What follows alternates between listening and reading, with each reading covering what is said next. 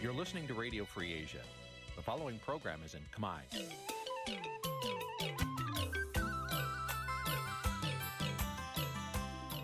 នេះជាកម្មវិធីផ្សាយ Vuthu Azizi Serai នេះជាកម្មវិធីផ្សាយរបស់ Vuthu Azizi Serai ជាភាសាខ្មែរ Vuthu Azizi Serai សូមស្វាគមន៍លោកអ្នកនាងទាំងអស់ពីរដ្ឋធានី Washington នៃសហរដ្ឋអាមេរិក បាទពីរដ្ឋធានីវ៉ាស៊ីនតោនខ្ញុំបាទសេកបណ្ឌិតសូមជម្រាបសួរអស់លោកអ្នកនាងកញ្ញាទាំងអស់ជាទីមេត្រី បាទយើងខ្ញុំសូមជូនកម្មវិធីផ្សាយសម្រាប់ព្រាត្រីថ្ងៃសៅរ៍9រោចខែបុស្សឆ្នាំថោះបញ្ញស័កពុទ្ធសករាជ2567ត្រូវនៅថ្ងៃទី3ខែកុម្ភៈគ្រិស្តសករាជ2024បាទជាដំបូងនេះសូមអញ្ជើញអស់លោកអ្នកនាងស្ដាប់ព័ត៌មានប្រចាំថ្ងៃដែលមានមេតិការដូចតទៅ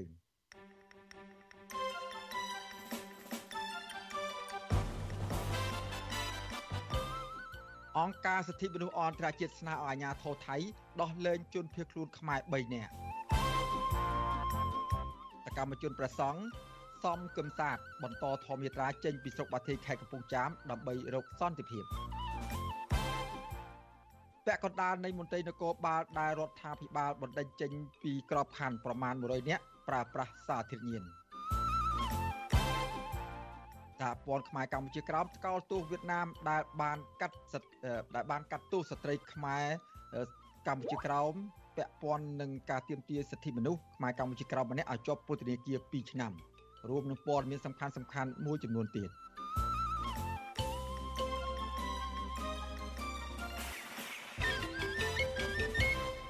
បាទជាបន្តទៅទៀតនេះខ្ញុំបាទសេកបណ្ឌិតសូមជូនព័ត៌មានទាំងនេះពិស្ដាបាទលោកនាងកញ្ញាជាទីមេត្រី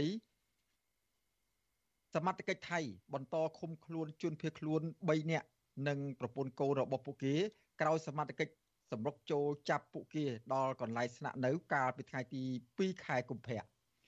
បាទអ្នកការពារសិទ្ធិមនុស្សថាគួរដល់ពេលអង្គការសហប្រជាជាតិទទួលបន្ទុកជនភៀសខ្លួនហៅកាត់ថា UNHCR ជជែកជាមួយនឹងរដ្ឋាភិបាលថៃដើម្បីឲ្យរដ្ឋាភិបាលប្រទេសនេះគោរពសិទ្ធិជនភៀសខ្លួនហើយ បាទយើងប្រកូលនាទីនេះទៅដល់លោកយុនសមៀនរាយការណ៍អំពីរឿងនេះពីរដ្ឋធានីវ៉ាស៊ីនតោន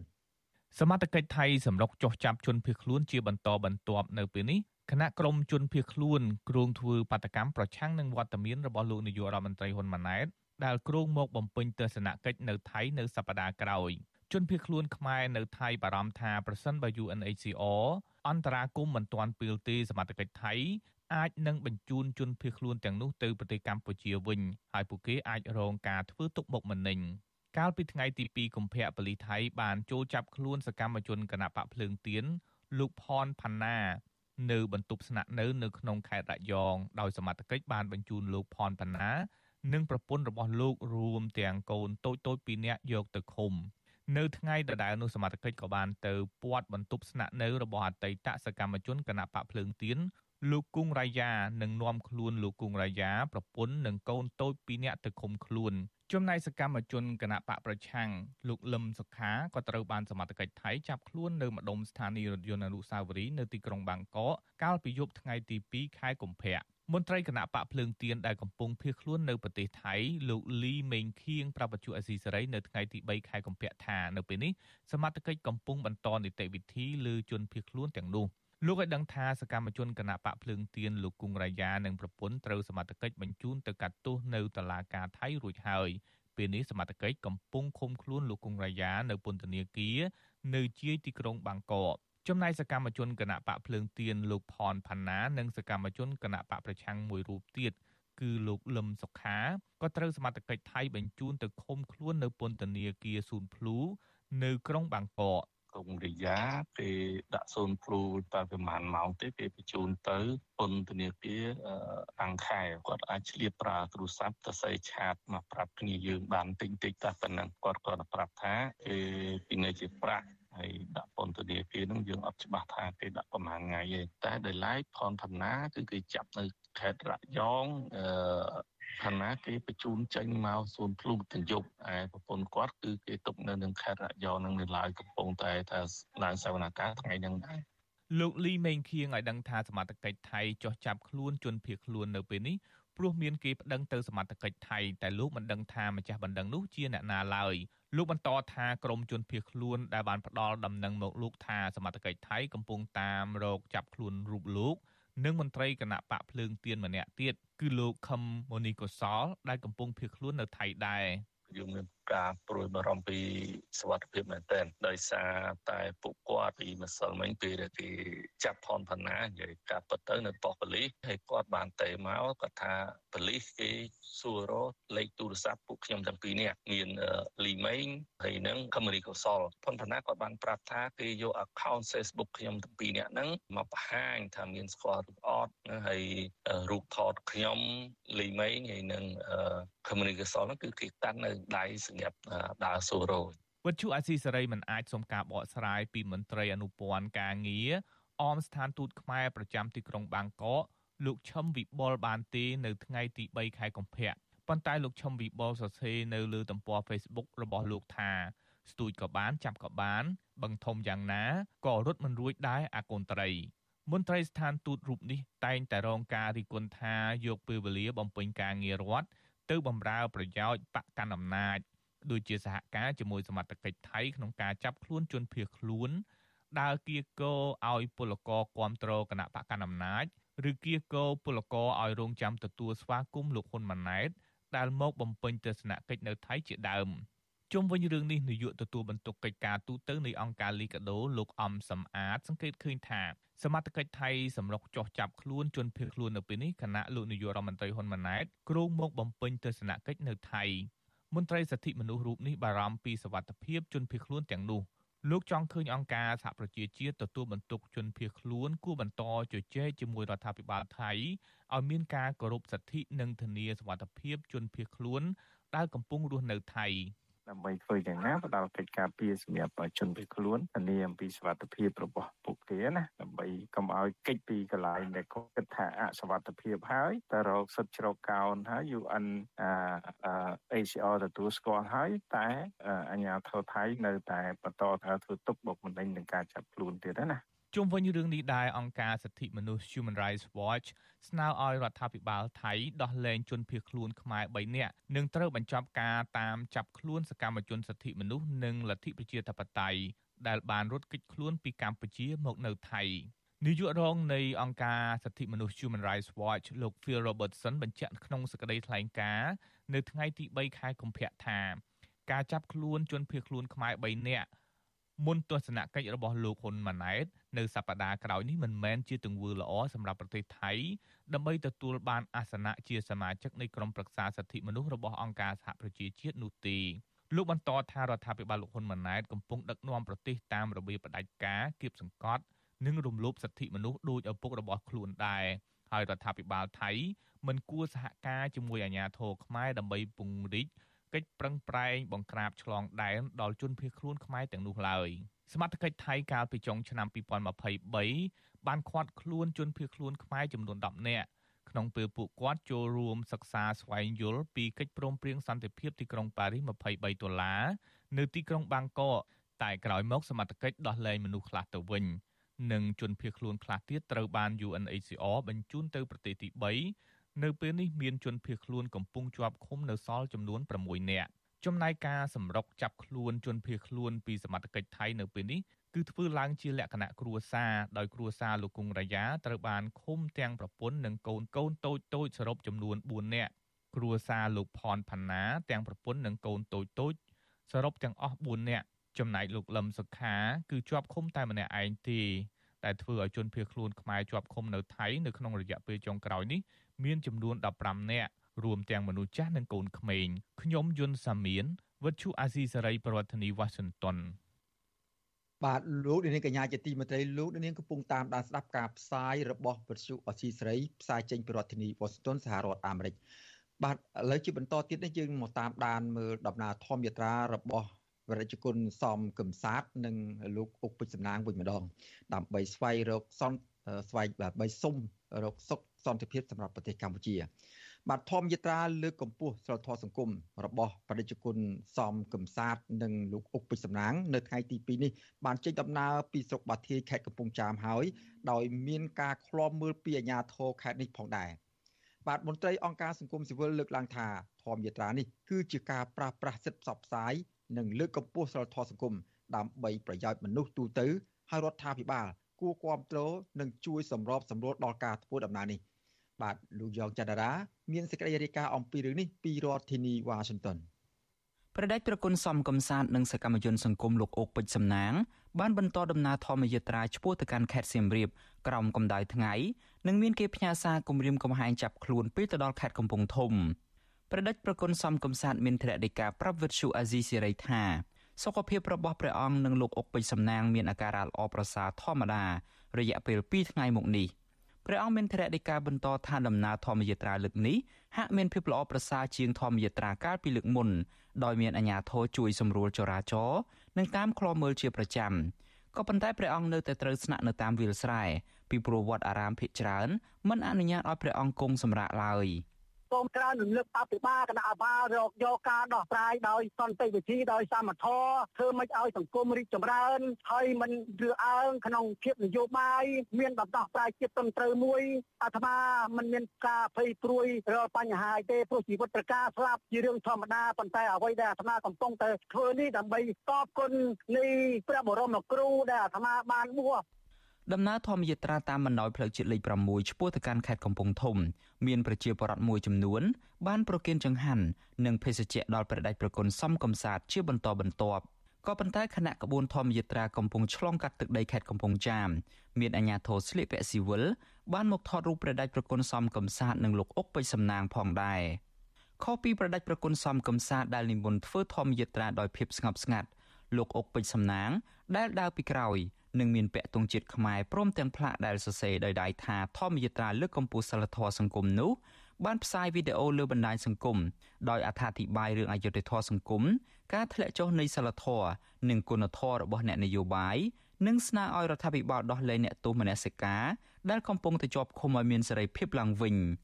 បាត់រដ្ឋាភិបាលរំលោភលើសិទ្ធិនៃប្រជាពលរដ្ឋរំលោភលើសិទ្ធិនយោបាយរំលោភលើសិទ្ធិនៃសាសនារំលោភលើសិទ្ធិនៃការរកអាជីពផ្សេងផ្សេងដីធ្លីដំណោះគ្រប់បែបយ៉ាងវល់ពេញប្រទេសហើយថាច្បាប់នេះទេអញ្ចឹងពាក្យថាច្បាប់ជាដំណោះស្រាយមួយក្នុងចម្ពោះដែលគេមានចែងជាមេត្រាសម្រាប់ឲ្យរដ្ឋសម្រាប់ឲ្យប្រទេសសម្រាប់ឲ្យប្រជារាស្ត្រលោកអនុវត្តតាមខ្លឹមសារច្បាប់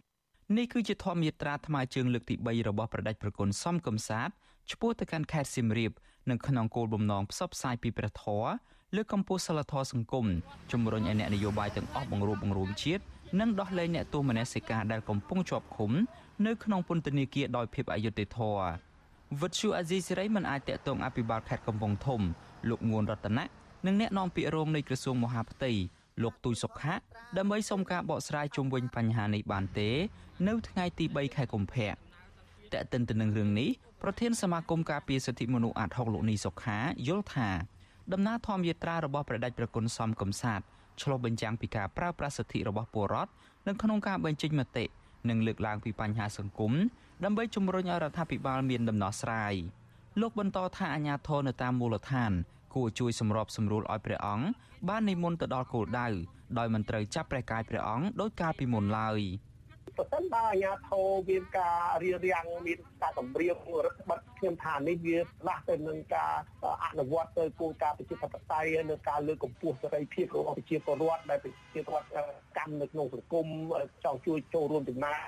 ធម្មយាត្រាលើកកម្ពស់សិលធម៌សង្គមនិងដោះលែងអ្នកទោសមនសិការរបស់ប្រដេចប្រគុណសំកំសាទនិងលោកអុកពេជ្រសំណាងនៅពេលនេះគឺមានគោលដៅឆ្ពោះទៅកាន់ខេត្តសៀមរាបនិងបញ្ចប់នៅភ្នំអត្តរសនៅក្នុងខេត្តកំពង់ស្ពឺ ដោយមានចម្ងាយផ្លូវជិត700គីឡូម៉ែត្រដែលឆ្លងកាត់ខេត្តចំនួន8រួមមានខេត្តកំពង់ចាម កំពង់ធំសៀមរាប បន្ទាយមានជ័យបាត់ដំបងខេត្តពោធិ៍សាត់កំពង់ឆ្នាំងនិងខេត្តកំពង់ស្ពឺ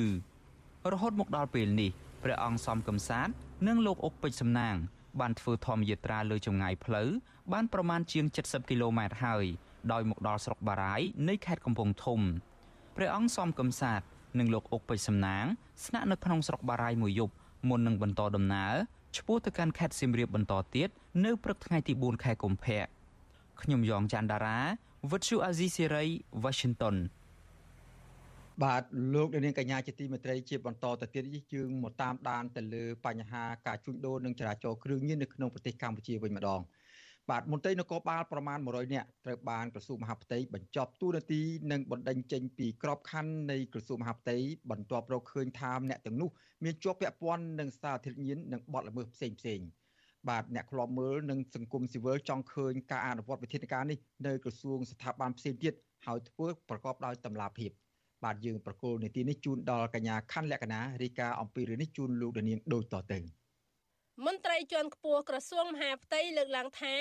គិតមកដល់ពេលនេះមន្ត្រីនគរបាលដែលត្រូវបញ្ចប់ទូនីតិនិងបណ្ដឹងចេញពីក្របខ័ណ្ឌមានប្រមាណ100នាក់ក្នុងនោះមន្ត្រីជាង50នាក់ពាក់ព័ន្ធសារធាតុញៀនកាលពីថ្ងៃទី25ខែតុលាឆ្នាំ2023រដ្ឋាភិបាលបានចេញអនុក្រឹត្យមួយដែលទៅត្រូវបានផ្សព្វផ្សាយថ្មីថ្មីនេះ បានបញ្ចប់មុខតំណែងនាយកនគរបាល9នាក់នៅនាយកដ្ឋានបុគ្គលិកនិងបណ្ឌិតសភានគរបាលកម្ពុជា បន្ទាប់ពីមានសំណើរបស់ក្រសួងមហាផ្ទៃអ្នកនាំពាក្យរងនៃក្រសួងមហាផ្ទៃលោកទូចសុខៈប្រាប់វិសុអាស៊ីសេរីនៅថ្ងៃទី3កុម្ភៈថា ការបញ្ចប់មុខតំណែងនេះដោយសារមន្ត្រីទាំង9រូបត្រូវទៅកាន់តំណែងថ្មីដូច្នេះជារឿងបែបបទរដ្ឋបាល មិនពាក់ព័ន្ធទៅនឹងការល្មើសវិន័យកងកម្លាំងនគរបាលនិងសារធាតុញៀននោះទេ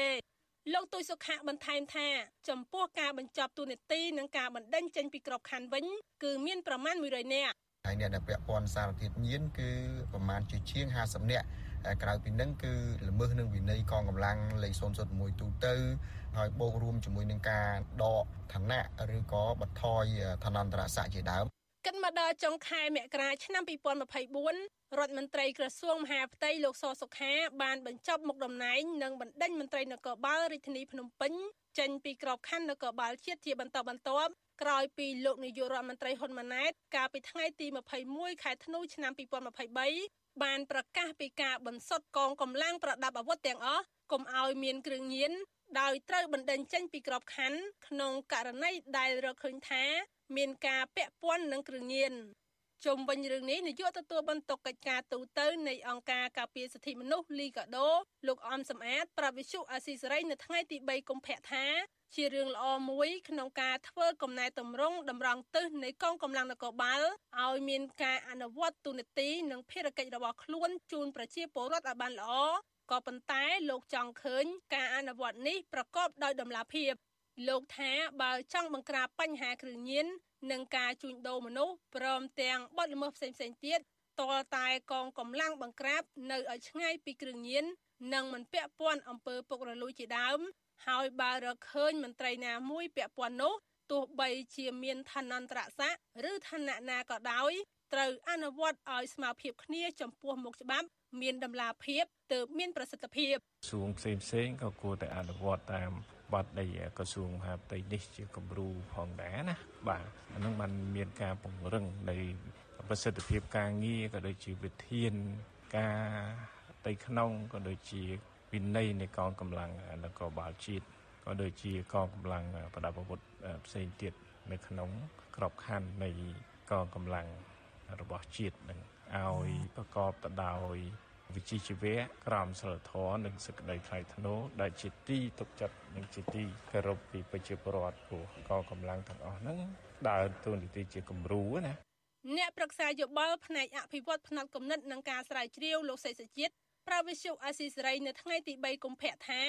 ក្រសួងស្ថាប័នទាំងអស់គួរអនុវត្តវិធានការនេះដែរពីព្រោះបើធ្វើតែក្រសួងការពារជាតិនិងក្រសួងមហាផ្ទៃបានផលតិចតួចណាស់ ហើយមិនអាចទប់ស្កាត់បញ្ហាអំពើពុករលួយ និងបញ្ហាកើតឡើងនៅកន្លែងផ្សេងទៀតបានទេ លោកចង់ឃើញរដ្ឋាភិបាល ដាក់ចេញវិធានការអនុវត្តស្របគ្នា ដើម្បីឲ្យសាធារណជនជាតិនិងអន្តរជាតិមើលឃើញពីការបដិញ្ញាចិត្តរបស់ថ្នាក់ដឹកនាំនៅតាមក្រសួងស្ថាប័នដែលចង់ធ្វើឲ្យមានភាពល្អប្រសើរឡើងក្នុងការបម្រើសេវា និងចាត់ចែងគ្រប់គ្រងការងារដឹកនាំប្រទេសជាតិ ប៉ុន្តែយើងឃើញថាក្រសួងស៊ីវិលផ្សេងផ្សេងទៀតថាបីដូចជាមិនទាន់មានគំនិតឬក៏បានដាក់ចេញនូវគោលការណ៍ច្បាស់លាស់ទេនៅក្នុងការកំណែតម្រង់តាក់ទងជាមួយនឹងបញ្ហាមន្ត្រីអសកម្មឬក៏មន្ត្រីដែលបានប្រព្រឹត្តបទល្មើសនៅក្នុងអង្គភាពឬក៏នៅក្នុងក្រសួងរបស់ខ្លួននឹងបាទការបញ្ចប់តំណែងមន្ត្រីនគរបាលនេះក្រោយរកឃើញថាពួកគេមានភាពអសកម្មមិនគ្រប់វិន័យអវត្តមានញឹកញាប់ក្នុងការបំពេញការងារ ហើយខ្លះមានផ្ទុកសារធាតុញៀននិងខ្លះទៀតដកហូតឋានន្តរស័ក្តិឧត្តមសេនីយ៍ត្រីផ្កាយមួយមកជាពលបាលត្រីគ្មានស័ក្តិវិញ បន្ទាប់ពីរងការចោទប្រកាន់ពីបទឆបោកនិងមន្ត្រីជាន់ខ្ពស់នគរបាលជាតិ4នាក់ផ្សេងទៀតដែលមានឋានន្តរស័ក្តិឧត្តមស្នេហ៍តូផ្កាយ2និងឧត្តមស្នេហ៍ត្រីក៏ត្រូវបានដកហូតឋានន្តរស័ក្តិឲ្យមកត្រឹមតែថ្នាក់ពលបាលត្រីវិញរីឯអនុរដ្ឋលេខាធិការក្រសួងមហាផ្ទៃ និងជាអនុប្រធានគណៈកម្មាធិការប្រយុទ្ធប្រឆាំងផលិតផលคล้ายៗលោកកម្មជាតិក៏ត្រូវបានព្រះមហាក្សត្របញ្ចប់ទូនីតិកាលពីពាក់កណ្ដាលខែធ្នូឆ្នាំ2023បន្ទាប់ពីផ្ទុះរឿងអាស្រូវមួយ ដែលក្រុមហ៊ុនលក់ស្រាប្តឹងទៅក្រសួងមហាផ្ទៃក្រោយលោកគៀបយកលុយក្រុមហ៊ុនចំនួន100,000ដុល្លារនិងស្រាថ្លៃថ្លៃជិត50ដបខ្ញុំខណ្ឌលក្ខណាវັດជុអាស៊ីសេរី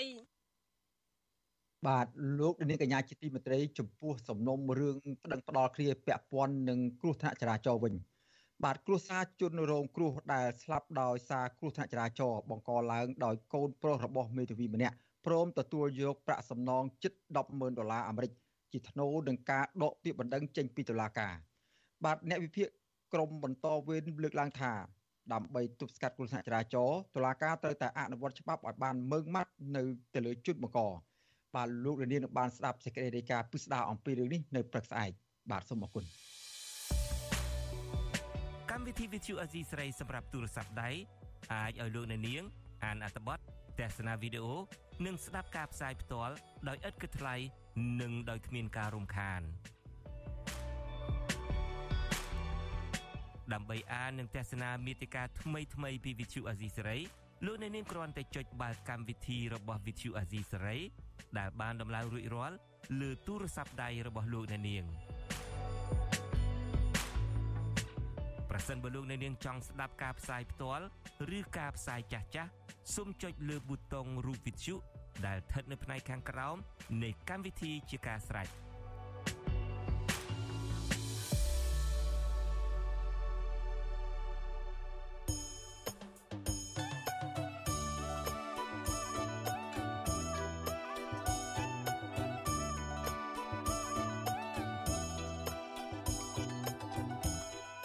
បាទលោកនាងកញ្ញាជាទីមេត្រីលោកនាងកំពុងតាមដានស្ដាប់ការផ្សាយផ្ទាល់របស់វិទ្យុអស៊ីសេរីពីរដ្ឋធានីវ៉ាស៊ីនតោនសហរដ្ឋអាមេរិកបាទដំណើរគ្នានឹងការស្ដាប់ការផ្សាយផ្ទាល់របស់វិទ្យុអស៊ីសេរីតាមបណ្ដាញសង្គមមាន Facebook YouTube និងប្រព័ន្ធ Telegram នោះលោកនាងក៏អាចស្ដាប់ការផ្សាយរបស់យើងខ្ញុំតាមរយៈវិទ្យុរលកធារកាខ្លីបានដែរដោយពេលព្រឹកចាប់ពីម៉ោង5កន្លះដល់ម៉ោង6កន្លះតាមរយៈប៉ុស SW 93.90 MHz ស្មើនឹងកម្ពស់ 32m និងប៉ុស SW 11.85 MHz ស្មើនឹងកម្ពស់ 25m បាទហើយនៅពេលយប់ចាប់ពីម៉ោង7កន្លះដល់ម៉ោង8កន្លះតាមរយៈប៉ុស SW 93. 93.30 MHz ស្មើនឹងកម្ពស់ 32m ប៉ុស SW 11.88 MHz ស្មើនឹងកម្ពស់ 25m និងប៉ុស SW 15.15 MHz ស្មើនឹងកម្ពស់ 20m បាទសូមអរគុណ បាទហើយជាបន្តយើងក៏លេខទៅមើលស្ថានភាពនៅព្រៃឡង់ឯនោះវិញបាទបដដាញសហគមន៍ព្រៃឡង់រកឃើញថាដែនចម្រោកសត្វព្រៃសំខាន់សំខាន់ចំនួន3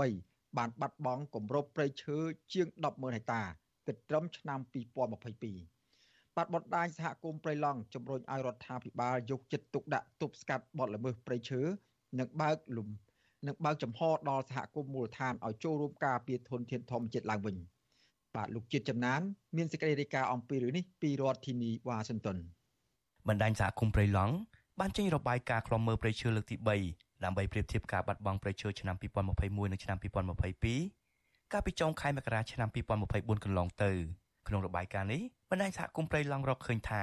ដែនជម្រកសត្វព្រៃចំនួន3 បានបាត់បង់គម្របព្រៃឈើជាង100,000ហិកតាចាប់តាំងពីឆ្នាំ2000រហូតដល់ឆ្នាំ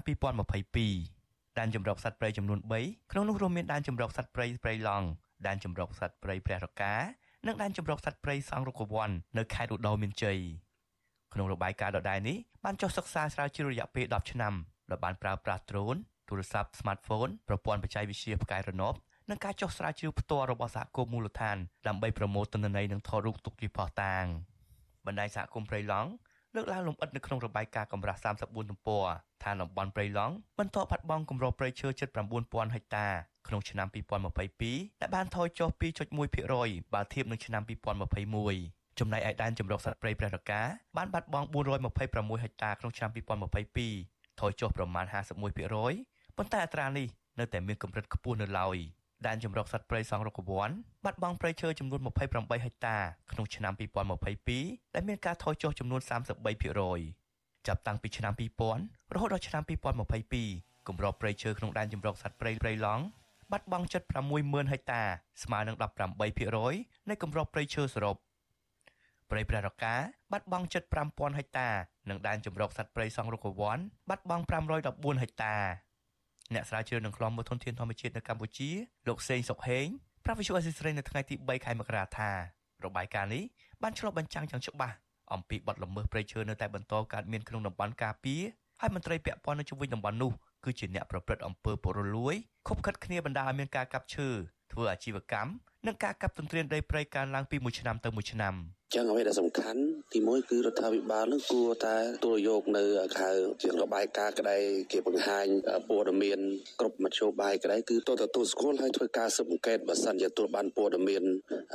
ពីសកម្មភាពកាត់បំផ្លាញព្រៃឈើទាំងអស់នោះជុំវិញរឿងនេះវិសុវស៊ីសេរីមិនអាចតាក់ទងប្រធានអង្គភិបអ្នកនាំពាក្យរដ្ឋាភិបាលលោកប៉ែនប៊ុនណានិងអ្នកនាំពាក្យក្រសួងបរិស្ថានលោកឈូប៉ារីសបាននៅឡើយទេនៅថ្ងៃទី3ខែមេសា ដោយទូរស័ព្ទចូលតែគ្មានអ្នកទទួលចំណែកឯអ្នកសម្របសម្រួលនៃសមាគមបណ្ដាញយុវជនកម្ពុជាលោកអូឡាទីនយល់ឃើញថារបាយការណ៍នេះចង់បង្ហាញឲ្យរដ្ឋាភិបាលយកចិត្តទុកដាក់ក្នុងការការពារធនធានធម្មជាតិដែលកំពុងប្រឈមនឹងការបន្តបាត់បង់ថែមទៀតលោកបន្ថែមថារដ្ឋាភិបាលគួរតែបើកលំហឲ្យប្រជាពលរដ្ឋនៅតាមមូលដ្ឋានមានសិទ្ធិគ្រប់គ្រាន់ក្នុងការចូលការពារធនធានធម្មជាតិនៅក្នុងតំបន់អភិរក្សនិងមិនតាមធ្វើទុកបុកម្នេញទៅលើពួកគាត់ ការបាត់បង់ព្រៃឈើនៅតែបន្តមានស្របពេលដែលការបដិញ្ញាចិត្តនឹងគឺយើងធ្វើអត់បានមូលហេតុនៃការធ្វើអត់បានដើមចំសំខាន់គឺភាពកំសោយនៃការអនុវត្តច្បាប់ហើយនឹងការរំលោភសិទ្ធិសហគមន៍ការមិនបើកចំហដល់ប្រជាពលរដ្ឋឲ្យបានចូលរួមចំណែកក្នុងកិច្ចការពារទន្ទឹងធម្មជាតិនឹងហើយដែលធ្វើឲ្យព្រៃឈើវាមានការបាត់បង់បណ្ដាញសហគមន៍ព្រៃឡង់ក៏បានជំរុញឲ្យរដ្ឋាភិបាលនិងក្រសួងបរិស្ថានធ្វើការត្រួតពិនិត្យនិងដកហូតដីសម្បត្តិសេដ្ឋកិច្ចណាដែលមិនគោរពតាមគោលការណ៍ ដែលបានបំផ្លាញព្រៃឈើក្នុងតំបន់ព្រៃឡង់ដើម្បីយកមកធ្វើជាសម្បត្តិរដ្ឋវិញ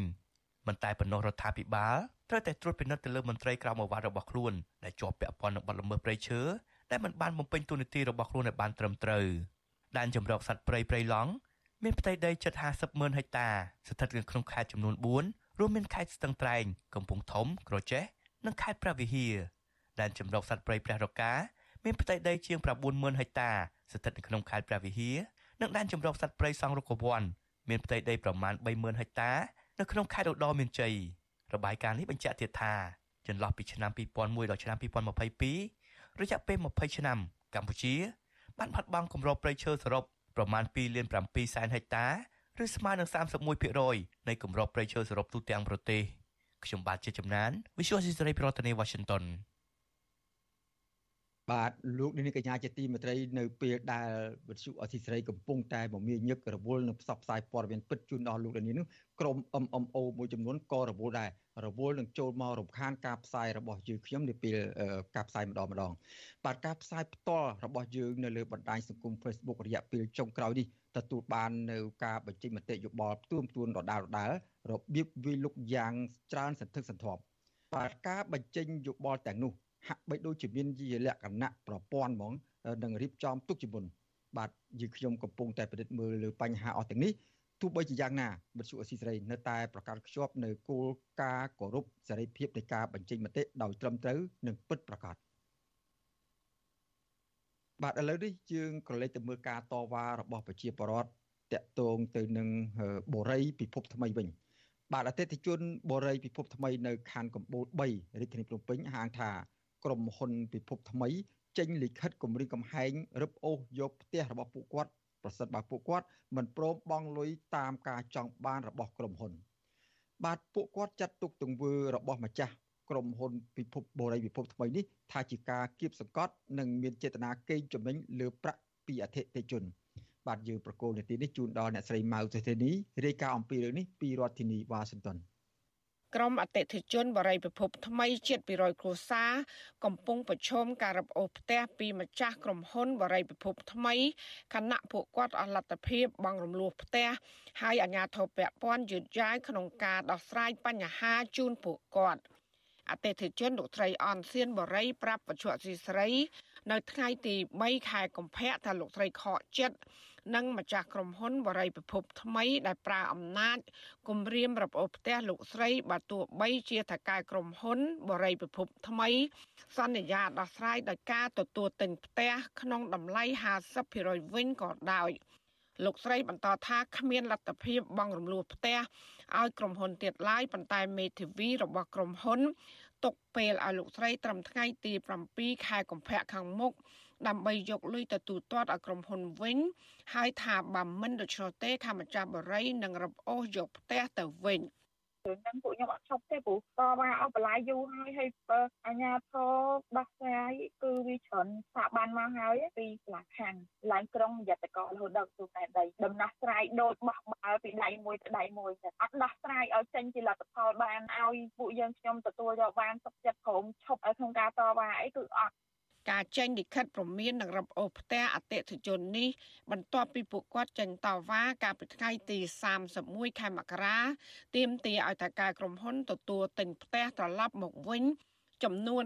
50%នៃប្រាក់ដែលបានបង់រំលោះពួកគាត់ថាតកែក្រុមហ៊ុន មិនត្រឹមតែគ្មានដំណោះស្រាយទេប៉ុន្តែបែរជាគំរាមរឹបអូសផ្ទះនិងមានចេតនាចង់កេងចំណេញប្រាក់របស់ពួកគាត់ថែមទៀត អតិថិជនទិញផ្ទះបរិយាពិភពថ្មីម្នាក់ទៀតដែលសុំមិនបញ្ចេញឈ្មោះ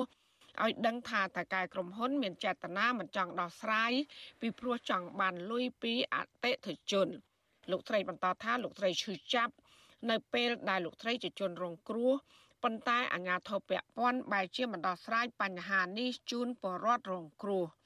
គាត់នឹងគាត់ចង់បានលុយពីអតិថិជនគាត់យកទាំងផ្ទះគេហើយយកទាំងលុយគេយើងគិតថាអូនឥឡូវយើងលក់ឲ្យគាត់វិញយើងសុកចិត្តខាត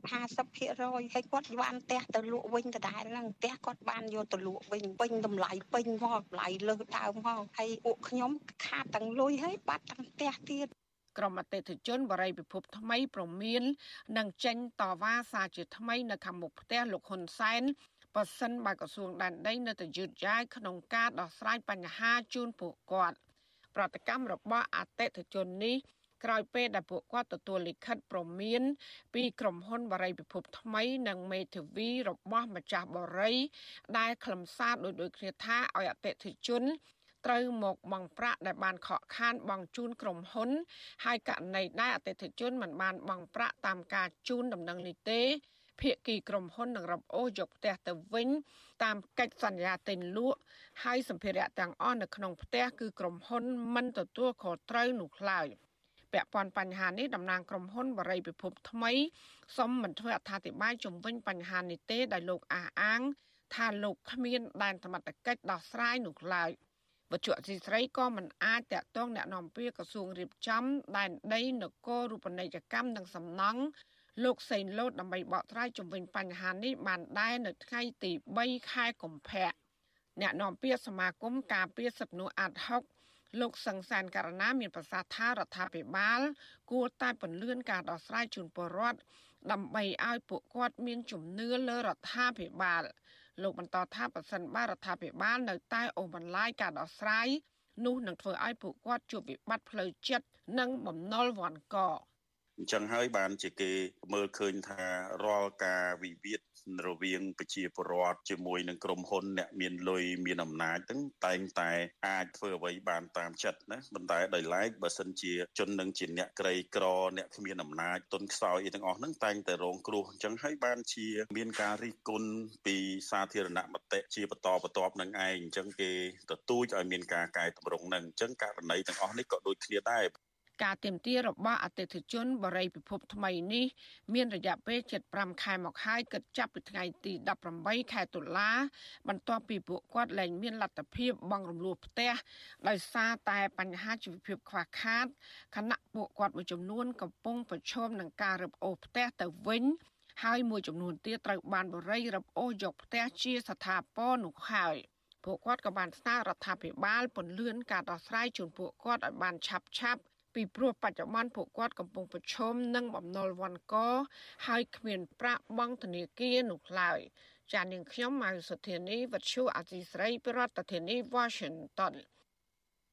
បាទលោកនាងកញ្ញាជាទីមេត្រីលោកនាងកំពុងតាមដានស្ដាប់ការផ្សាយរបស់វិទ្យុអស៊ីសេរីពីរដ្ឋធានីវ៉ាស៊ីនតោនសហរដ្ឋអាមេរិកបាទនៅពេលដែលជាកំពុងផ្សាយនេះយើងបានទទួលព័ត៌មានបន្ទាន់មួយ គឺប្រជាជនសំកំសាទដែល កំពុងធ្វើដំណើរធម្មយាត្រានោះពេលនេះត្រូវបានមន្ត្រីអាជ្ញាធរខេត្តកំពង់ចាមនាំប្រជាជនទៅកាន់វត្តជើងព្រៃដើម្បីផ្សឹកប្រជាជននៅថ្ងៃស្អែកនេះហើយបាទយើងនឹងតាមដានព័ត៌មាននេះបន្តទៀតតើថ្ងៃស្អែកឬមួយក៏បន្តិចទៀតនេះនឹងមានអ្វីកើតឡើងចំពោះប្រជាជនសំកំសាទហើយនិងលោកអុកពេជ្រសំណាងដែលកំពុងធ្វើដំណើរធម្មយាត្រាដើម្បីសុំសុខសន្តិភាពសម្រាប់ប្រទេសកម្ពុជានោះបាទសូមអរគុណ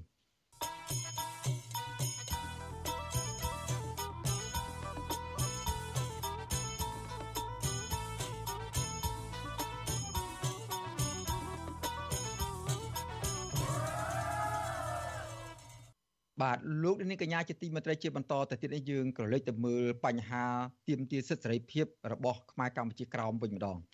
បាទសហព័ន្ធខ្មែរកម្ពុជាក្រោមថ្កោលទោសរដ្ឋាភិបាលវៀតណាមដែលបានកាត់ទោសស្ត្រីសកម្មជនសិទ្ធិមនុស្សខ្មែរកម្ពុជាក្រោមម្នាក់ឲ្យជាប់ពន្ធនាគាររយៈពេល2ឆ្នាំដោយសារតែលោកស្រី បានប្រើប្រាស់សិទ្ធិទាមទារដីធ្លីដែលអាជ្ញាធរវៀតណាមយកដោយគ្មានសំណងបាទពីរដ្ឋធានីវ៉ាស៊ីនតោនលោកយុនសមៀនរាយការណ៍អំពីរឿងនេះ ដូចតទៅសហព័ន្ធខ្មែរកម្ពុជាក្រោមគ្រូនឹងដឹកនាំបដកម្មអហិង្សានៅទូទាំងពិភពលោកនៅមុខស្ថានទូតវៀតណាមដើម្បីទាមទារឲ្យរដ្ឋាភិបាលកុម្មុយនីសវៀតណាមដោះលែងសកម្មជនខ្មែរក្រោម4នាក់ដែលកំពុងជាប់ឃុំដោយសារតែការទាមទារសិទ្ធិជនជាតិដើមគម្រោងបដកម្មអហិង្សានេះធ្វើឡើងក្រោយពីតុលាការវៀតណាមនៅខេត្តឃ្លៀងកាលពីព្រឹកថ្ងៃទី1ខែមករាបានផ្ដន្ទាទោសកម្មជនខ្មែរក្រោម លោកស្រីដេញធីវិនឲ្យជាប់ពន្ធនាគារ2ឆ្នាំលោកស្រីដេញធីវិនអាយុ44ឆ្នាំរស់នៅស្រុកបៃឆៅខេត្តឃ្លៀងត្រូវបានអាជ្ញាធរវៀតណាមចាប់យកទៅឃុំឃាំងកាលពីខែសីហា ឆ្នាំ2023ដោយចោទពីបទមិនអនុវត្តសាលក្រមពាក់ព័ន្ធរឿងអាជ្ញាធរវៀតណាមរឹបអូសយកដីធ្លីរបស់គាត់តាំងពីខែសីហាឆ្នាំ2016តុលាការបន្តកាត់ទោសនិងដាក់ពន្ធនាគារលោកស្រី ទោះបីអាជ្ញាធរបានវាយកំទេចផ្ទះលោកស្រីដើម្បីយកដី កាលពីខែកុម្ភៈឆ្នាំ2022ហើយក៏ដោយប្រធានប្រតិបត្តិសហព័ន្ធខ្មែរកម្ពុជាក្រោមលោកប្រាក់សេរីវុឌ្ឍប្រាប់វិទ្យុអាស៊ីសេរីថាតុលាការវៀតណាមយកលេសរឿងដីធ្លីដើម្បីចាប់ខ្លួនលោកស្រីដេញធីវិនដោយសារតែលោកស្រីបានចូលរួមចលនាទាមទារសិទ្ធិជនជាតិដើម និងសិទ្ធិដីធ្លី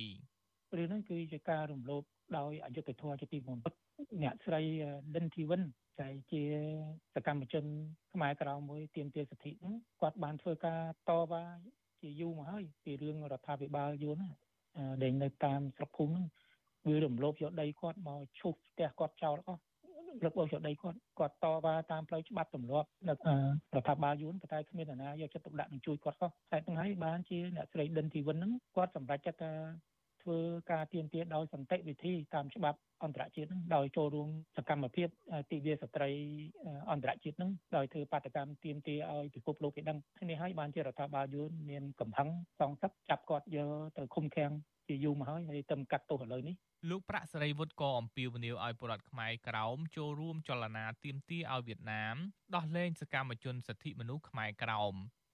បាទយើងនឹងរៀបចំឲ្យសាខាសហព័ន្ធខ្មែរកម្ពុជាក្រោមនេះនៅទូទាំងពិភពលោកតាមដែលលទ្ធភាពអាចធ្វើបាននឹងធ្វើបាតកម្មដោយសន្តិវិធីឲ្យអន្តរជាតិដឹងនៅមុខស្ថានទូតយួនឬស្ថានកុងស៊ុលយួននៅគ្រប់កន្លែងទាំងអស់ហើយស្ដាប់អ្នកសហព័ន្ធមានអន្តរជាតិផ្សេងៗឲ្យគេបានដឹងឮថារដ្ឋាភិបាលយួនអឺមិនគោរពសិទ្ធិមនុស្សដែលខ្លួនបានសន្យាជាមួយអង្គការសហជាតិជាពិសេសជាមួយរដ្ឋាភិបាលសហរដ្ឋអាមេរិកទេដែលទទួលជំនួយពីប្រទេសមហាអំណាចទាំងប្រមាណហើយទទួល យល់ព្រមថាគោរពសិទ្ធិមនុស្សតាមពិតហ្នឹងគឺថាទទួលតែប្រមូលមាត់ហើយពីក្រោយខ្នងគឺចាប់ដាក់គុកដដែលដដែលហ្នឹងឲ្យគេដឹងបច្ចុប្បន្នមានសកម្មជនខ្មែរក្រោម3នាក់ទៀតកំពុងជាប់ពន្ធនាគាររួមមានលោកតោហ្វាងជើង លោកថាច់កើងនិងលោកយ៉ាញ់មិញគួាងអអញ្ញាធិបតេយ្យវៀតណាមបានចោទប្រកាន់ពួកគេពីបទកេងចំណេញលើសិទ្ធិសេរីភាពនិងលទ្ធិប្រជាធិបតេយ្យបំពានលើផលប្រយោជន៍របស់រដ្ឋនិងបទល្មើសផ្សេងផ្សេងទៀត ប៉ុន្តែសហព័ន្ធខ្មែរកម្ពុជាក្រោមអះអាងផ្ទុយវិញថាការចាប់ខ្លួនសកម្មជនទាំង3នាក់នេះដោយសារតែអាញាធរវៀតណាមមិនពេញចិត្តនឹងសកម្មភាពផ្សព្វផ្សាយសិភៅប្រវត្តិសាស្ត្រខ្មែរក្រោមសិភៅស្ដីពីសិទ្ធិជនជាតិដើម និងការបោះពុម្ពអាវយឺតដែលមានរូបទង់ជាតិខ្មែរក្រោមទៅចែកចាយឲ្យពលរដ្ឋខ្មែរក្រោមជាដើមតុលាការវៀតណាមក៏គ្រោងនឹងបើកសវនាការជំនុំជម្រះសកម្មជនខ្មែរក្រោមលោកចាញ់មិញខ្វាង នៅថ្ងៃទី7ខែកុម្ភៈខាងមុខនេះខ្ញុំយុនសាមៀនវិទ្យុអាស៊ីសេរីប្រធានាធិបតី Washington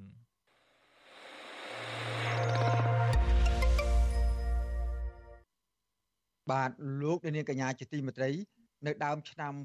2024រដ្ឋាភិបាលគៀងគរក្រុមហ៊ុនចិនឲ្យមកវិនិយោគផ្នែកឧស្សាហកម្មនៅកម្ពុជាច្រើនជាងគេឬស្មើនឹងទំហំទឹកប្រាក់ជាង147លានដុល្លារអាមេរិក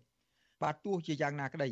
ប្រជាពលរដ្ឋខ្មែរជាច្រើននៅតែគ្មានការងារធ្វើគណៈកម្មការរោងចក្រក៏សម្រេចចិត្តដោយបង្ខំបោះបង់ចោលការងារនៅរោងចក្រ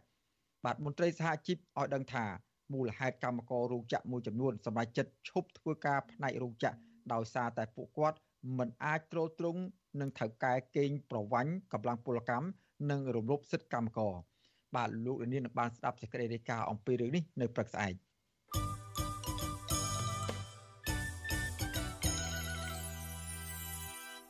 បាទលោកនីកញ្ញាជាទីមន្ត្រីយុវជនមួយចំនួនបានរួមគ្នាបង្កើតក្រុមយុវជនថ្មីមួយដោយដាក់ឈ្មោះថាក្រមយុវជនស្ម័គ្រចិត្តនៃក្រមអ្នកបន្តដំណើរបាទក្រមយុវជនមួយនេះ មានសមាជិកជានិស្សិតដែលកំពុងសិក្សាតាមសាកលវិទ្យាល័យមួយចំនួននិងទើបតែបានចាប់ផ្ដើមសកម្មភាពរបស់ខ្លួននាពេលថ្មីៗនេះ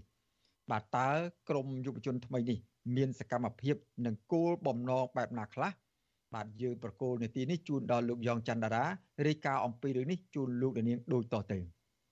ក្រមយុវជនស្ម័គ្រចិត្តនៃក្រមអ្នកបន្តដំណើរដែលហៅកាត់ថា CAJ ត្រូវបានបង្កើតឡើងនៅក្នុងគោលបំណង3សំខាន់រួមមានការបណ្ដុះបណ្ដាលសមត្ថភាពការពង្រឹងជំនាញផ្នែកទំនាក់ទំនងនិងការពង្រឹងភាពជាអ្នកដឹកនាំអ្នកសិក្សាផ្នែកច្បាប់លោកវ៉ាន់ចាន់ឡូតប្រាប់វិទ្យុអាស៊ីសេរីថាលោកប្រួយផ្ដើមគំនិតបង្កើតក្រុមយុវជននេះឡើង ដើម្បីឧទ្ទិសដល់វីរភាពបណ្ឌិតកែមលី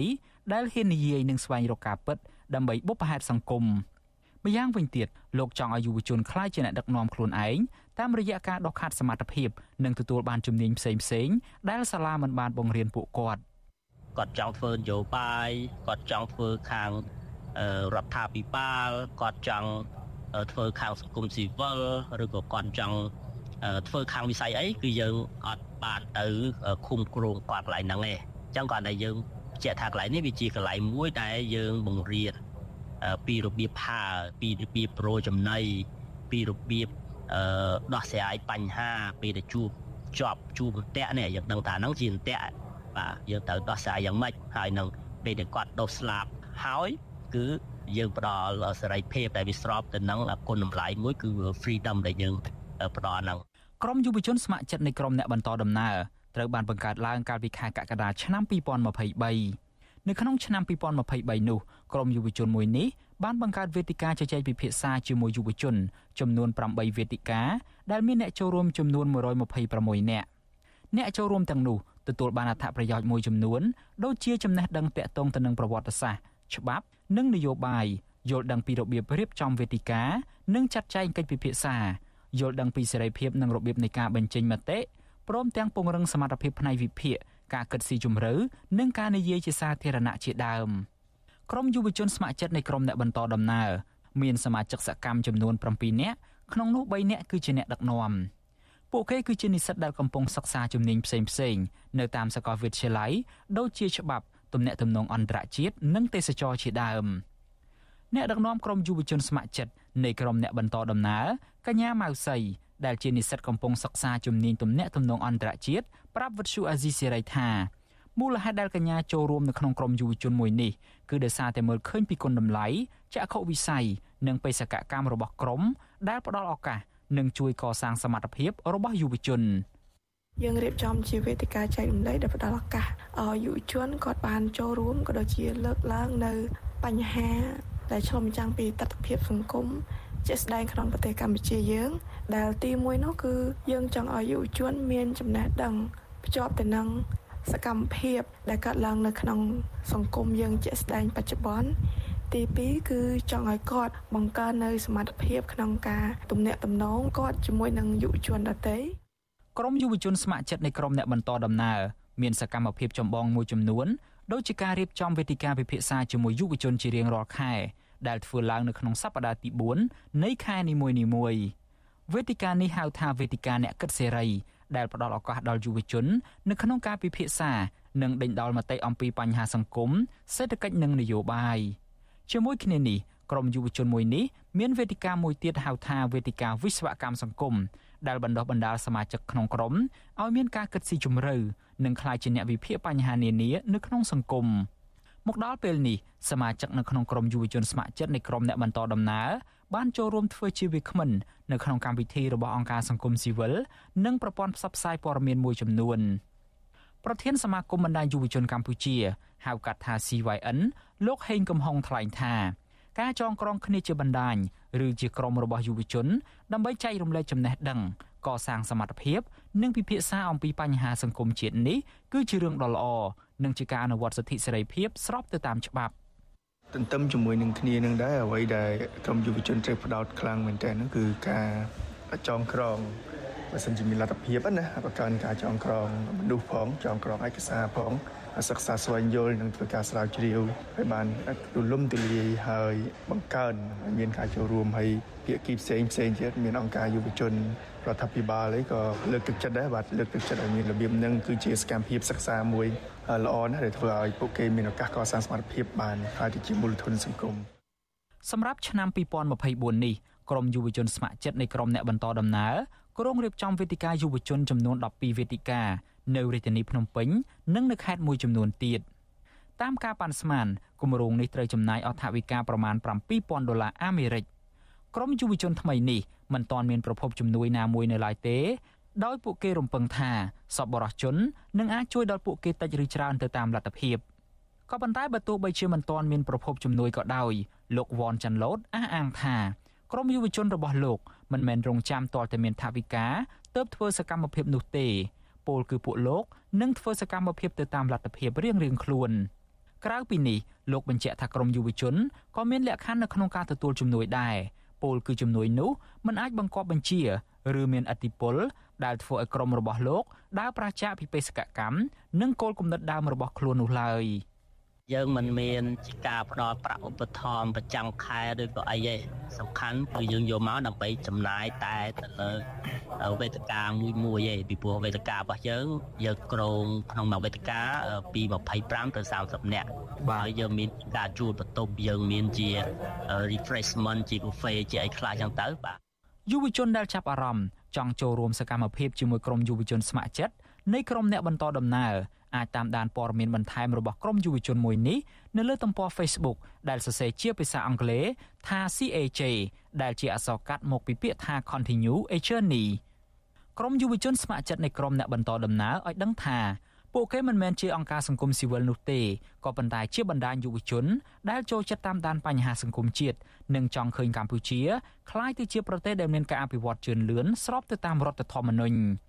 ពួកគេមិនបារម្ភពីការយាយីតាមផ្លូវច្បាប់ណាមួយពីសំណាក់អាជ្ញាធររដ្ឋាភិបាលឡើយពីព្រោះអ្វីដែលពួកគេចងក្រងគ្នានេះគឺជាសិទ្ធិសេរីភាពដែលមានចែងនៅក្នុងគោលនយោបាយជាតិរដ្ឋធម្មនុញ្ញនិងច្បាប់សិទ្ធិមនុស្សអន្តរជាតិដែលកម្ពុជាបានផ្ដល់សច្ចាប័នខ្ញុំយ៉ងច័ន្ទដារាវិទ្យុអាស៊ីសេរី Washington តែមកខ្ញុំចាក់អានឹងសិនបាទលោកនាងកញ្ញាជាទីមេត្រីឥឡូវនេះយើងងាកមកមើលវិស័យទេសចរជាពិសេសទេសចរនៅក្នុងខេត្តសៀមរាបវិញ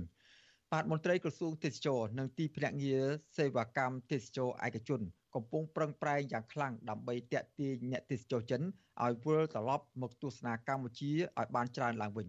បាទការប្រឹងប្រែងនេះបន្ទាប់ពីចំនួនអ្នកទេសចរចិន ដែលធ្លាប់មកទស្សនាប្រទេសកម្ពុជាបាននាំមុខគេក៏ប៉ុន្តែបានធ្លាក់ចុះយ៉ាងគំហុកចាប់តាំងពីមានការរាតត្បាតជំងឺ Covid-19 កន្លងមក បាទយើងប្រកូលនីតិនេះជូនដល់លោកថាថៃរាយការណ៍ជូនលោករនាងអំពីរឿងនេះដូចតទៅក្រុមមគ្គុទេសចរនិយាយភាសាចិនមួយចំនួននៅតំបន់រមណីយដ្ឋានអង្គរខេត្តសៀមរាបចង់ឲ្យរដ្ឋាភិបាលកម្ពុជាមានគោលនយោបាយលើកលែងទិដ្ឋាការជាមួយប្រទេសចិនដើម្បីទាក់ទាញជនជាតិចិនឲ្យមកទស្សនាកម្ពុជាឲ្យកាន់តែច្រើនឡើងវិញការលើកឡើងបែបនេះខណៈដែលបច្ចុប្បន្នចំនួនភ្ញៀវទេសចរចិនបានថយចុះយ៉ាងខ្លាំងធ្វើឲ្យក្រុមមគ្គុទេសចរនិយាយភាសាចិនជាច្រើនអ្នកបាត់បង់ការងារនិងប្រាក់ចំណូលប្រចាំថ្ងៃ មគ្គុទេសចរនិយាយភាសាចិនម្នាក់គឺលោកយីងហ្វាតមានប្រសាសន៍ប្រាប់វិទ្យុអាស៊ីសេរីកាលពីថ្ងៃទី2កុម្ភៈថាក្នុងរដូវចូលឆ្នាំចិននេះចំនួនភ្ញៀវទេសចរចិនដែលមកទស្សនារមណីយដ្ឋានអង្គរគឺមានចំនួនតិចលោកថាការបាត់បង់ភ្ញៀវទេសចរចិននេះធ្វើឲ្យក្រុមមគ្គុទេសចរនិយាយភាសាចិនជាច្រើនអ្នកបាត់បង់ការងារនិងប្រាក់ចំណូលលោកយីងហ្វាតចង់ឲ្យរដ្ឋាភិបាលកម្ពុជាមានគោលនយោបាយលើកលែងទឹកតការដោយប្រទេសជិតខាង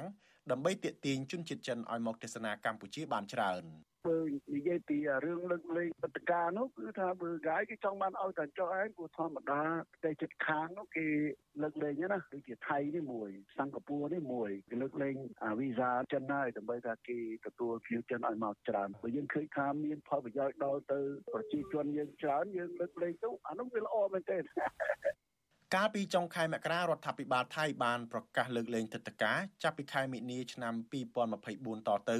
ដើម្បីទាក់ទាញភ្ញៀវទេសចរចិនឲ្យចូលទៅកំសាន្តនៅប្រទេសថៃបានចំនួនច្រើនអគ្គនាយកគ្រឹះស្ថានអង្គរលោកលីសែឲ្យដឹងថាក្នុងរយៈពេល1ខែដើមឆ្នាំ2024នេះភ្ញៀវទេសចរចិនដែលមកទស្សនាអង្គរមានចំនួន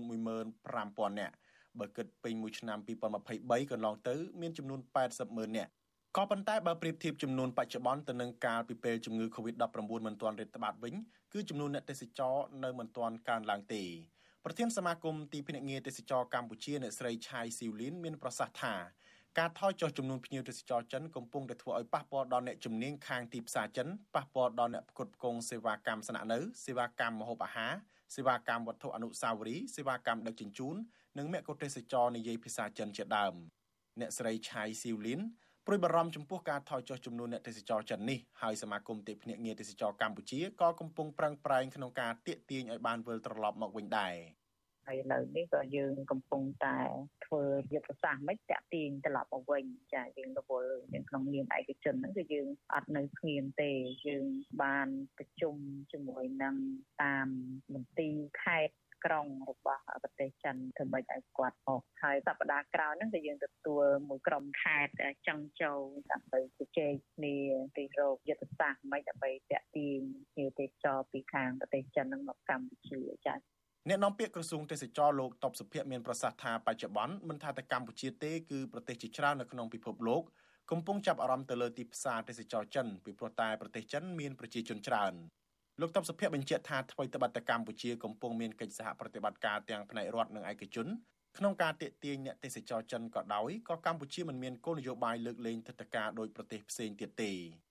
ប្រទេសមួយមួយមានគោលនយោបាយផ្សេងផ្សេងគ្នាទៅតាមស្ថានភាពប្រទេសរបស់ខ្លួនប៉ុន្តែកម្ពុជាយើងមិនមានគោលនយោបាយនៅក្នុងការលើកលែងបថាការទេ មានន័យថាបថាការរបស់យើងមានការលើកលែងប្រទេសនៅក្នុងតំបន់អាស៊ាននៃអូហេតុប៉ុន្តែប្រទេសខុសអំពីតំបន់ដែលយើងបានចុះអនុសារណៈយោគយល់គ្នានឹងគឺយើងមិនមានការលើកលែងព្រោះអានឹងវាគ្រាន់តែជាផ្នែកមួយនៃការតាក់ទាញ លោកតបសុភ័ក្រឲ្យដឹងទៀតថាកាលពីឆ្នាំ2023កន្លងទៅកម្ពុជាទទួលបានភ្ញៀវទេសចរអន្តរជាតិសរុបចំនួន5លាន45ម៉ឺននាក់ដែលក្នុងនោះភ្ញៀវទេសចរចិនមានចំនួន54ម៉ឺននាក់ដោយស្ថិតក្នុងលំដាប់ទី3បន្ទាប់ពីភ្ញៀវទេសចរថៃនិងវៀតណាមនៃវិភាគបញ្ហាសង្គមនិងនយោបាយលោកកឹមសុខយល់ឃើញថាបើទោះបីជារដ្ឋាភិបាលកម្ពុជាបច្ចុប្បន្នប្រឹងប្រែងឃោសនានិងទាក់ទាញយ៉ាងណាក៏អ្នកទេសចរចិន និងបរទេសមិនមកទស្សនាកម្ពុជាចំនួនច្រើនទៀតទេលោកកឹមសុខលើកហេតុផលថាវិស័យទេសចរកម្ពុជាក្រោមការដឹកនាំរបស់រដ្ឋាភិបាលលោកហ៊ុនម៉ាណែតគឺស្ដារមិនឡើងឡើយពីព្រោះក្រៅតែពីធ្វើឲ្យសង្គមមានអំពើឆបោកការជួញដូរមនុស្សការចាប់ចម្រិតទាបប្រាក់គួរឲ្យភ័យខ្លាចគឺពិភពលោកដឹងថារដ្ឋាភិបាលនេះបានក្តោបក្តាប់អំណាចស្រដៀងគ្នានឹងប្រទេសមីយ៉ាន់ម៉ាដែលពោពេញទៅដោយអំពើហិង្សាការចាប់មនុស្សដាក់គុកតាមអំពើចិត្តនិងការរំលោភសិទ្ធិមនុស្សធ្ងន់ធ្ងរជាដើម។ គ្មាននរណាចង់ទៅលេងនៅក្នុងប្រទេសដែលធ្វើឲ្យមនុស្សខ្លាចឡើយទី2រដ្ឋាភិបាលហ៊ុនម៉ាណែតកើតមកត្រូវកសែតនៅប្រចាំប្រទេសជាពិសេសនៅអឺរ៉ុបនាំគ្នាផ្សព្វផ្សាយប្រៀបធៀបដោយនឹងប្រព័ន្ធផ្ទៃអំណាចតពូជនៅប្រទេសកូរ៉េខាងជើងដែរសំណួរថាតើនរណាចង់ទៅលេងប្រទេសមួយ ដែលគេប្រៀបធៀបប្រព័ន្ធដឹកនាំដោយប្រទេសកូរ៉េខាងជើងដូច្នេះនេះមិនមែនជាដំណឹងល្អសម្រាប់វិស័យទេសចរនៅប្រទេសកម្ពុជាទេ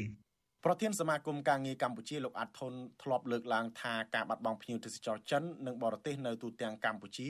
កំពុងធ្វើឲ្យអ្នកពាក់ព័ន្ធប្រមាណជាង100000នាក់ដូចជាផ្នែកបម្រើសេវាកម្មទេសចរនៅតាមសន្តាគារនិងភោជនីយដ្ឋានផ្នែកដឹកជញ្ជូនព្រមទាំងកសិករដែលជាអ្នកផ្គត់ផ្គង់ផលិតផលជាដើមបានបាត់បង់ការងារនិងប្រាក់ចំណូលខ្ញុំថាថៃពីទីក្រុងមែលប៊ន បាទលោកនាងកញ្ញាជាទីមេត្រីយើងទើបនឹងបានទទួលព័ត៌មានថ្មីមួយនៅមុននេះបន្តិចបាទគឺប្រជាជនសំកំសាទដែលកំពុងធ្វើធម្មយត្រាស្វែងរកសន្តិភាពនោះឥឡូវនេះត្រូវបានមន្ត្រីអាជ្ញាធរខេត្តកំពង់ចាមនាំប្រជាជនទៅវត្តជើងព្រៃដើម្បីផ្សឹកប្រជាជននៅថ្ងៃស្អែកនេះបាទដើម្បី ដឹងព័ត៌មាននេះបន្ថែមទៀតយើងនឹងបានភ្ជាប់សំទោសយើងបានភ្ជាប់ខ្សែទូរស័ព្ទជាមួយលោកអុកពុជសំណាងដែលជាសកម្មជនសង្គមនិងសិទ្ធិមនុស្សដែលដែលបានធ្វើដំណើរជាមួយប្រជាជនសំកំសាទនោះដើម្បីរៀបរាប់អំពីបញ្ហានេះតើវាយ៉ាងម៉េចបាទជំរាបសួរលោកអុកពុជសំណាងបាទបាទសូមអរគុណហើយសូមផ្ដល់បាទអឺ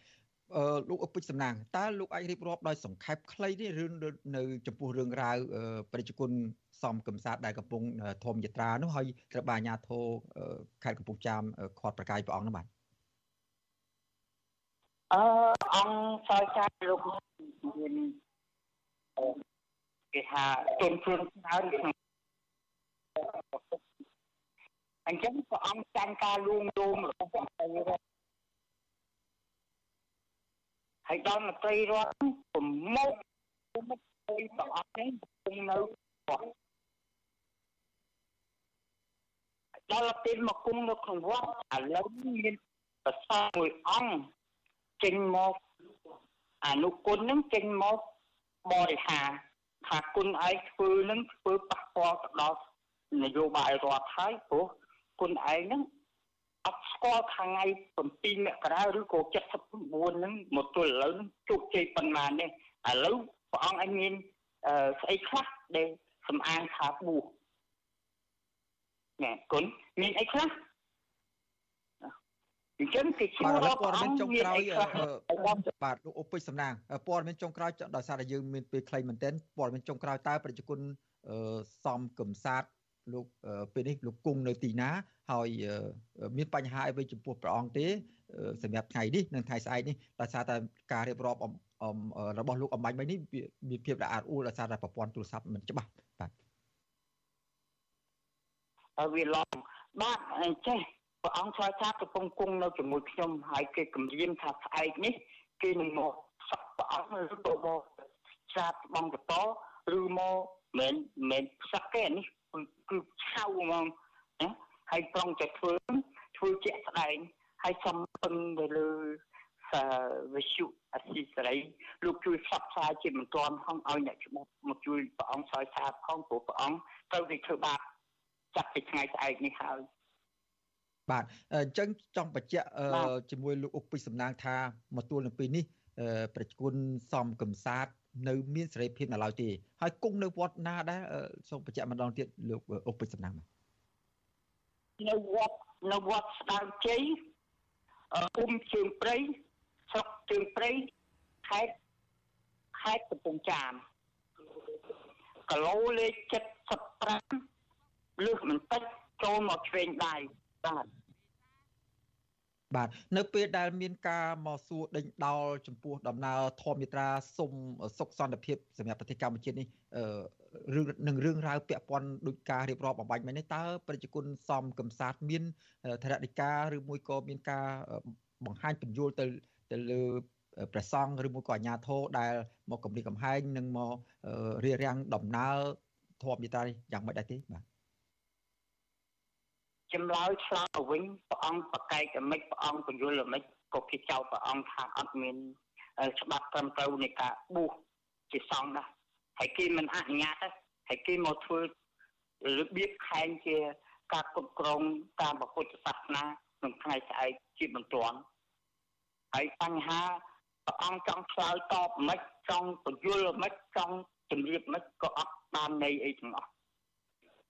គេអត់ទទួលយក បាទបាទសូមអរគុណលោកអ៊ុកពេញសំណាងដែលបានចំណាយពេលផ្ដល់ព័ត៌មានសំខាន់ចុងក្រោយតទៅដំណើរធម្មយាត្រារបស់ប្រជាជនសំកំសាទនៅពេលនេះហើយយើងនឹងបន្តតាមដានសភាពការនេះជាបន្តទៀតនៅថ្ងៃស្អែកសូមអរគុណនិងសូមជម្រាបលោកអ៊ុកពេញសំណាងតែប៉ុណ្្នេះសិនបាទបាទបាទបាទសូមគោរពលាអរគុណទាំងអស់គ្នាបាទ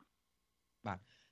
លោកនាងកញ្ញាជាទីមេត្រីកម្មវិធីផ្សាយរបស់វិទ្យុអស៊ីសេរីសម្រាប់រាត្រីថ្ងៃសៅរ៍នេះបានឈានដល់ទីបញ្ចប់ហើយខ្ញុំបាទសេកបណ្ឌិតព្រមទាំងក្រុមការងារទាំងអស់របស់វិទ្យុអស៊ីសេរីសូមគោរពថ្លែងអំណរគុណចំពោះអស់លោកនាងដែលនៅតែមានភក្ដីភាពតាមដានស្ដាប់ការផ្សាយរបស់យើងខ្ញុំតាំងពីដើមរៀងមក